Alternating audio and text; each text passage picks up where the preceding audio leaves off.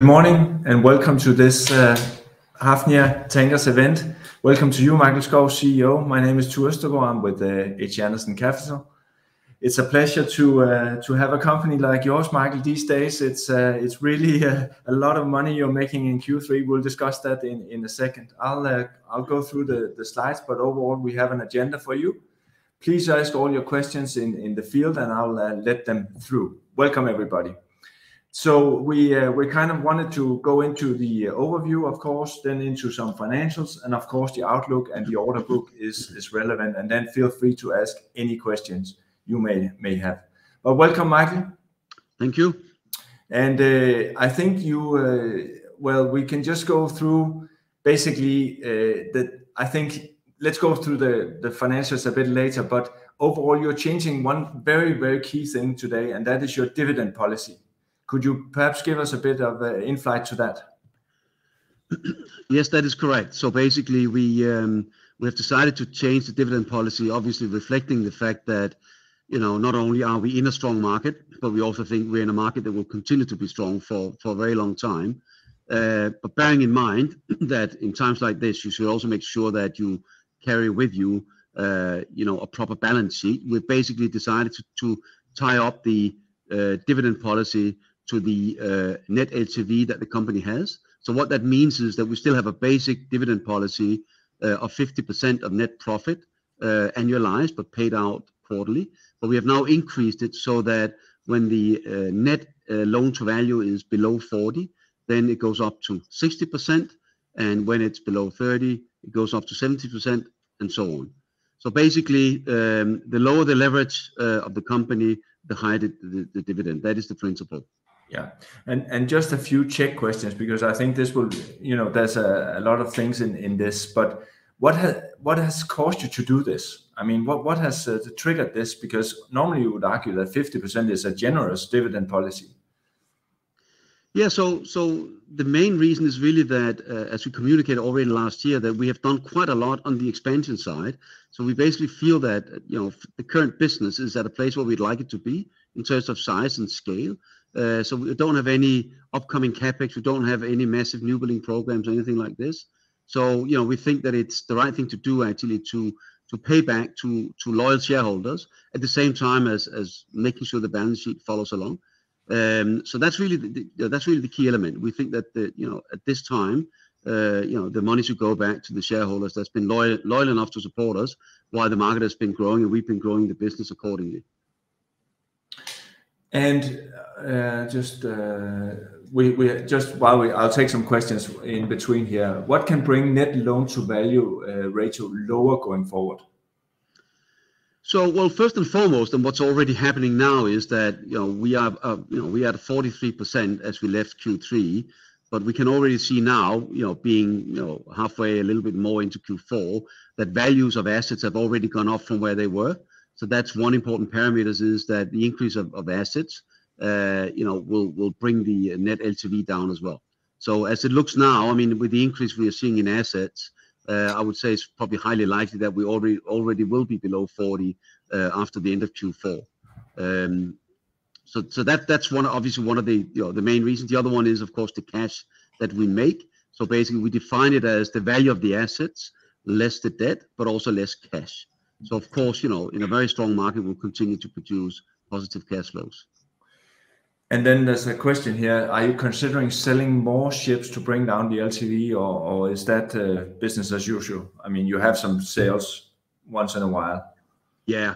So we've actually, we actually sold a bit uh, this year already, uh, and that was part of our fleet renewal program. So at the moment, you know, we don't see ourselves as sellers. We think... I mean, there might be one or two ships, but but that will not be one of the main triggers. The fleet we have now, we actually feel we should try to extend as far as we can, um, because we have already cleaned up, you know, the fleet uh, earlier this year. Okay, cool. And just to repeat, the way I see this is that you will have a minimum of 50% payout and a maximum of 80%. Is that uh, fair to say? That's correct. Okay, cool. That's correct. Is there any more questions about this? Because this is obviously very, uh, a change in in dividend policy is is very big for, for the company. Cool. We'll just continue. Then then let's go into your your Q3 and just a few high-level numbers here. Um, Could you, yeah, take us through basically, Michael? Yeah. So, I mean, I, as you say, I mean, I think the the numbers obviously speak for themselves, right? I mean, they reflect a very, very strong quarter again. And, you know, I think if you look at the um, the overall result, you know, at $280 million Uh, is obviously one of the largest. I mean, not just for Hafnia, actually, it's probably in the history of listed tanker companies, this is probably, you know, the second uh, highest that that we have ever seen.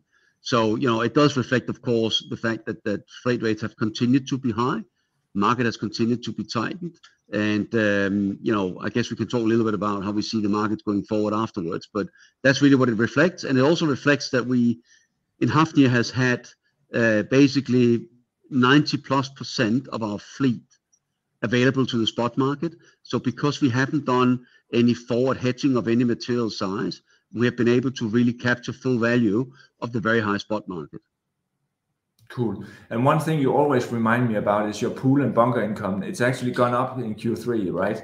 But of course, because the other things are so big these days, uh, it's it's insignificant, but I guess that's part of the strategy is to build this uh, revenue too. It is. And, you know, obviously, it follows a little bit whether markets are good or bad, but the good thing is the revenue stream from pools and bunkers will always be there, even if markets were weak. So, you know, for us, it is an important thing, and it gives us, you know, a nice extra buffer in terms of earnings when markets are, you know, not as high as we see today. But more importantly, and this is, you know, a factor which is not in the numbers, is that by managing another 100 ships for third-party owners, it brings our total fleet to 250, which basically means that the market intelligence, the information we get from having 250 ships is to all the benefit of ourselves and our partners. So basically, it's really the scale that helps us lift the earnings because we have improved market intelligence. Cool. Is there any more questions to the Q3? Obviously, then the number speaks for itself. So so let's let's continue. I'd much rather go into to uh, the market as it is today and and perhaps uh, how you see uh, the world going forward. Um, let's go into that immediately, Michael, because obviously this is uh, this is very important. Actually, there was one slide before I wanted to cover.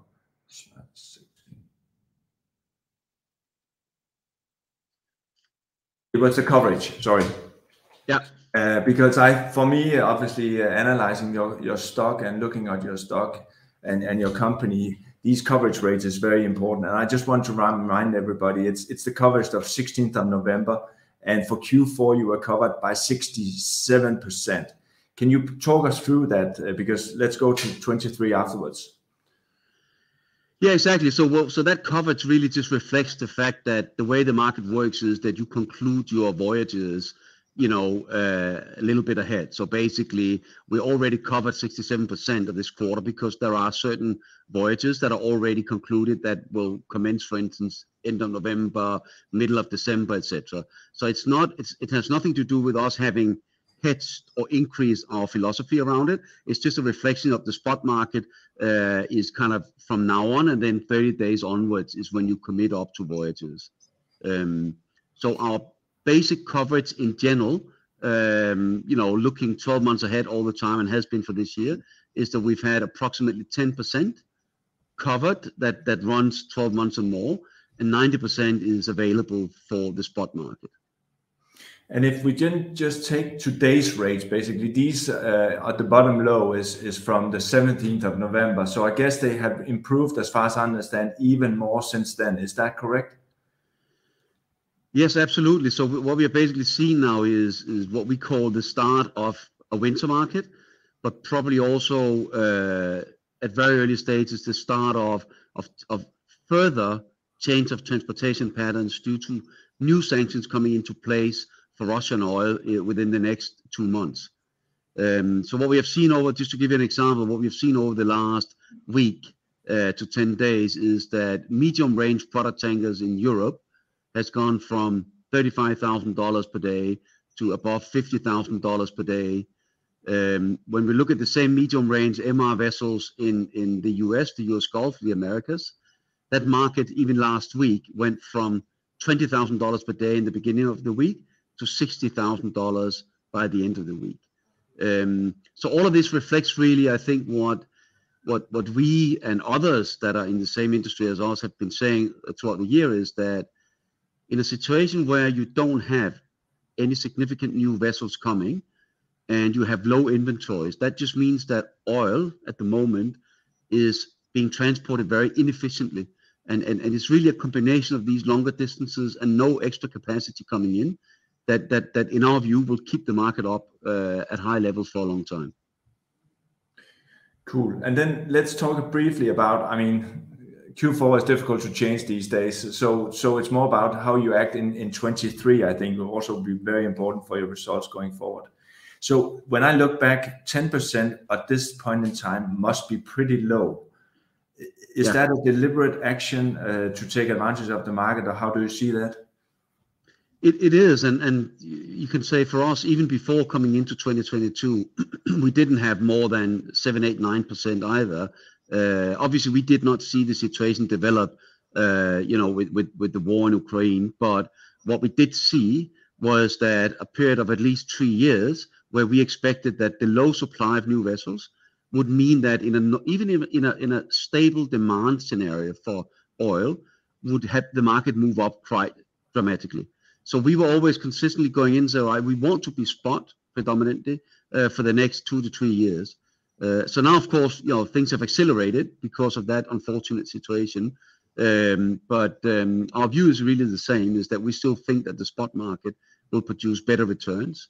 Uh, but I should say, of course, at some point, if you start seeing that you can lock in three years earnings, two years earnings at very high levels, then we will definitely look to increase that hedge. But we don't feel that we are there yet in terms of of, uh, of rates obtainable. Okay.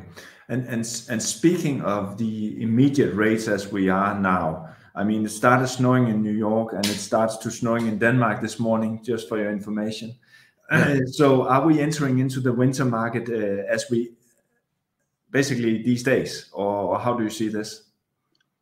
It's probably a combination, uh, and um, you know, but but normally around Thanksgiving actually is the time where we normally see in our markets that activity starts to to uh, to increase, and where you start seeing people trying to build inventories ahead of the winter.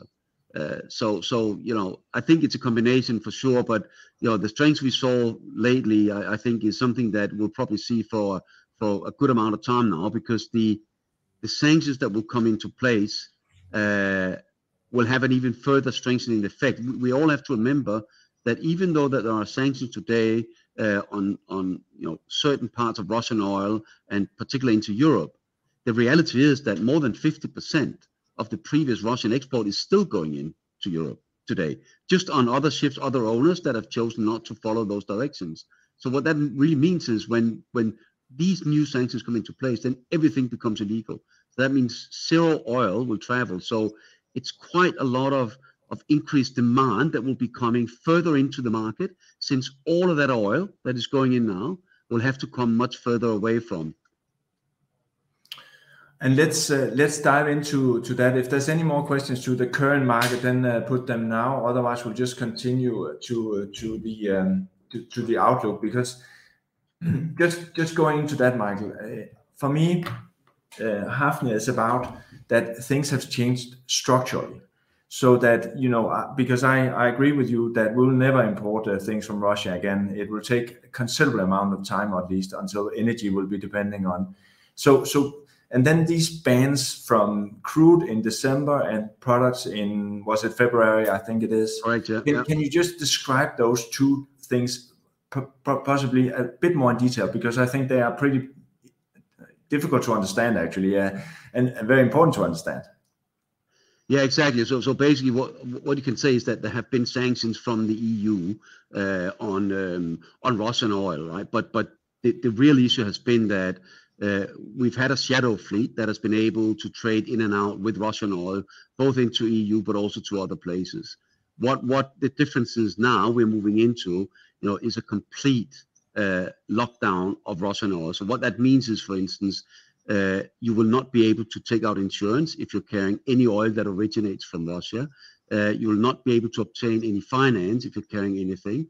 And the, the liability and the risk lies with you as a carrier to make sure that you check where that oil is coming from. So just to give an example, the obvious choice would be that that certain ships take oil out of Russia, and then you do a, a so-called ship-to-ship transfer. Therefore, you can say, well, it transfers to my ship. Well, I didn't load it out of Russia; I just loaded it from another ship.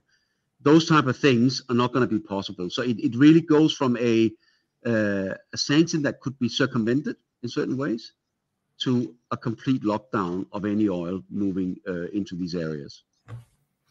And I believe you have a slider on this, right? Uh, I think it was number 18. Forgive me. Yes. So this has to do with the. Sorry, this is. Uh, sorry for this. There's many slides on this, but but um, but this is just to to to give some comfort in uh, that uh, that you actually are well positioned to take advantage of this situation. Absolutely. And and I think just to put some numbers on it, we think that the you know the amount of vessels required could be anything from 80 to 100 medium range vessels just to cover that extra demand, which is quite substantial out of a fleet of maybe 1500 overall of modern ships. So um, and that's on top of what we're seeing now. Yeah, cool. And just to repeat it again, it's product tanking tanks from February and it's uh, crude from December. Correct. Yeah. So what, what people can do is as well, I think as an investors and analyst is to look at what happens in the crude market now, so close to these sanctions taking into place. That market has basically gone from nothing to $100,000 per day uh, within, you know, four weeks. And, and that is partly reflecting that they are much closer to this ban uh, than product. So, so it, it's a good place to watch what happened uh, and then try to um, extrapolate that towards what can happen for products as you come closer to February the 5th. Yeah, this was the slide I was looking for. Sorry for that. Yeah, cool. Let's uh, let's also perhaps talk a little bit about the fleet and because we've done these interviews for quite some time and it, it basically hasn't changed. So so the order situation is unchanged. Is is that a, a fair uh, yeah. statement? It and, is, and and it, yeah, but, but normally you would see ship owners buying a lot of new ships in, in under these circumstances because the rates are so attractive, and you don't see any chance that that will uh, change. Normally, what would happen in a situation like this, if you go back throughout the last whatever 30, 40 years, is that uh, people would start using the cash they make to buy new ships and renew the fleet. And quite often, what would happen is you order a ship today, and then you get it delivered in 18 months' time. So that means you can you can almost connect the current strong spot market to your delivery of a new ship in 18 months' time. Uh, what has happened is that the shipyards have been completely filled up by other types of vessels. So container vessels, uh, gas carriers, etc., has basically taken all the capacity away. So if, if we in Hafnia today wanted to, which by the way I should say we don't, but if we wanted to order a new build, a classic standard design, the earliest we will get it is sometime in 2025, and that goes for everyone. So that means basically the fleet will not grow any further from what you know today, at least into 2025. And the, the this the slide you see here is basically saying the same thing that there's a hundred ships on order in total. Is is that that is correct? Yeah. Yeah which is so approximately five percent. So basically, what we're looking into, and I think this is an important part as well for I think for investors and, analysts to look at, is that at any given time, when our markets have been weak, it has never been because demand has gone down. Oil demand and demand for what we do has gone up over the last 35 years consistently. Every time you've had a bad market is when you have overloaded the market with new ships that are coming in. So the difference this time around is that we're going to have negative fleet growth coming into the next two years. There will be less ships available than there is today when you take away scrapping for, of older ships and new builds coming in. So we are seeing a tightening of the supply side. It will actually drop. We are seeing demand, even in a, stable scenario, maintaining where it is. And then we are seeing extra demand coming from longer distances that we sail. Those are the three things that that uh, is the reason why we're all looking into a number of years where we think with a very strong market. Yeah. So that's back to my question, Michael. Is, is this is structural this time around? Because it's it seems that the demand side is there, but the supply side cannot change. So that leaves only there's a viewer here asking for consolidation in the market, and you are basically you are, that's what you have been doing. What yeah. is your view on this uh, for for the time being? On the consolidation. Yes. But I think I still think there will be more and uh, you know even we in Hafnia will will be looking uh, at those things again. I, I, you know my my case remains the same. It doesn't matter whether the market is extremely high or not. I think uh, smaller entities will in general find it difficult as they move forward, particularly because we're going into a transition transition in an energy complex. So within the next five to ten years, we all need to think about so what will the future look like when there is less oil versus other things that you will have to transport. So I think smaller entities, uh, a lot of them will find it easier, and the investors will find it easier. Uh, as the, the deal we did last year is simply to flow in the vessels to Hafnia uh, against payment in Hafnia shares. As an example. As an example, cool. There's a lot of uh, sort of more detailed questions, but I'll ask for questions on, on the demand supply side uh, going forward if, if there's any. Otherwise, we'll just take a few um, things. Um, just a very basic one here: uh, is oil price, high oil price, is that a good or bad thing for Hafnia tanker business? Um, well, I can say on one thing, uh, it's it's bad in the sense that it reflects uh, the bunkers that we're sailing on. So the, the oil that we have to put into our engines will of course be more expensive. But but normally that is passed through uh, in the freight. But that that's the one side of it. So the oil price in itself, whether it's high or low, is not really so relevant for us. Um, what's more important is really uh, where the spot price is versus the future. So, for instance, if you have uh, a situation where the spot price of oil here and now is, say, just to take pick the number, you know, close to ninety dollars, but the forward price is, you know, much higher, say 110, 120, we would normally see that people will start to transport more oil and put it into inventory. Uh, so that normally is good because it creates more activity, and then eventually, of course, it fills up inventory, so you know that there is a, you know, there's there's a back end to that. But the actual flat price in itself doesn't really have a major effect on our business. No. Then there's a question on the low diesel inventories in the U.S. and how that's likely to impact the market.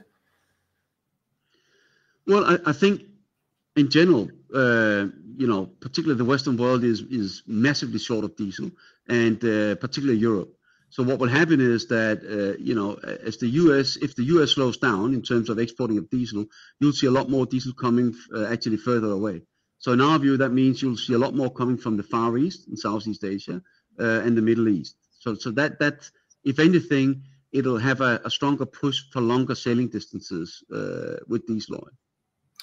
Then there's a question on the uh, Russian fleet of uh, tankers and if there's a substitute there. Um, I simply don't know how many uh, tanker ships Russia has and where they will transport their oil and products to. Uh, there's a question uh, about that, uh, if that's a substitute and has an impact on the market. Well, a, a lot of that fleet has predominantly been doing crude oil and and products from, a particular crude oil from Russia to China and India. So, so what we have seen is really a closed market between these three nations. But the, the good thing has then been that that that obviously that crude gets refined and gets sent out to the international markets afterwards. So we, you know, I think the product tanker market had benefited from Russian crude being transported further away to China and India and then turned into refined oil that has then been sailing longer again. So that fleet will continue, in our view, to do that, and that's what it's been doing so far but you know it, it's it becomes a shadow fleet of, of the uh, of the real market. There's another question here, Michael, that is about cancellation of uh, of shipyard orders within uh, bulk and also containers for the substitutions of, of, of tankers. Is that a relevant uh, consideration? Well, I think it's a very good question. It's a relevant question and something that we have over years seen, um, you know, obviously happening between certain types. But but just to be clear, I mean, there's no risk that existing VLCCs or big container ships or LNG carriers that they will turn into product tankers uh, for two reasons. One is that they're being built at at different yard capacity docks than where you would be building product tankers. So uh, if anything, it will be transferred to a different type of ships that's larger. And secondly, it's only really relevant to where people have options. So any other transaction that has been done, even though the vessel is only delivering in two years' time, there would already be a commitment for the engine, for certain things that have been bought, and therefore you can't just swap around and put in a different ship. So the, the real swap situation that people should watch out for is if you had a massive order book on dry bulk ships, which we don't have, but if that was the case, then normally between dry bulk and tankers you can you can swap in between, but none of these two areas have any new builds on order at the moment. Okay. Then I guess there's a financial engineering question here, and that is about your debt situation and your balance sheet. And, and given the interest rates at the moment, I guess the question is if you do some uh, payoff of your debt, you can actually go to a lower loan to value, and thereby you can pay out more. Um, it's it's a tricky question because there's many ups and downs in this, but uh, I don't know if you want to comment on this. Yeah, but I mean that's also I mean that that is also I mean part of our plan is to do both, right? So basically, what we did last year is when we took those two transactions with CTI and, and Scorpio, they were all 100% financed basically. So we always knew that we need to reserve capital going forward to reduce that debt and refinance it. Uh, obviously, coming into this market with that type of financing has been great because it, you know it's, it's given us a high gearing and and and and a very high earning base but that's that's also part of what we want to do. We've already done a bit, and we'll continue to make sure that we we do reduce that debt. So for sure, that will be part of it. It will not only be focused on the asset appreciation; it's also about reducing debt. Cool. Uh, I'll just check for more um, more questions here. I, I think there's a sort of more general question about your ownership structure as of today. You've done a, a few things over the past six months. Can you comment on your ownership structure today? Yeah, so our largest shareholder is the BW Group, you know, which currently is uh, you know between 48 49 percent, and then we've managed to basically a lot of the previous investor shareholders we had and have, have been selling out concurrently. So we now have a good free float. Uh, the second largest is Oaktree with with uh, around nine percent of shares, and then basically the rest is spread out uh, amongst uh, you know a lot of different shareholders. Cool. I actually think we uh, are through the, the questioning round, Michael. Um, thank you very much for attending and thank you for all your questions. I hope you got uh, some of the uh, three of the basic questions answered here. Otherwise, I know you have another analyst uh, meeting. Um, there's a final question here, and that is uh, Do you have any plans for buybacks, Michael, uh, versus, versus the dividend? Um, not at the moment. I mean, it's part of a debate that we have all the time, but but for now, we we have decided to focus on dividends. But that that you know there is a plan at certain levels and certain discounts to NAV where we could consider to do share buybacks also. But but in the current environment, we focus on the dividend. Many thanks. I think this concludes today's session. Thank you very much for attending, Michael, and thank you for all the listenings. Thank you very much.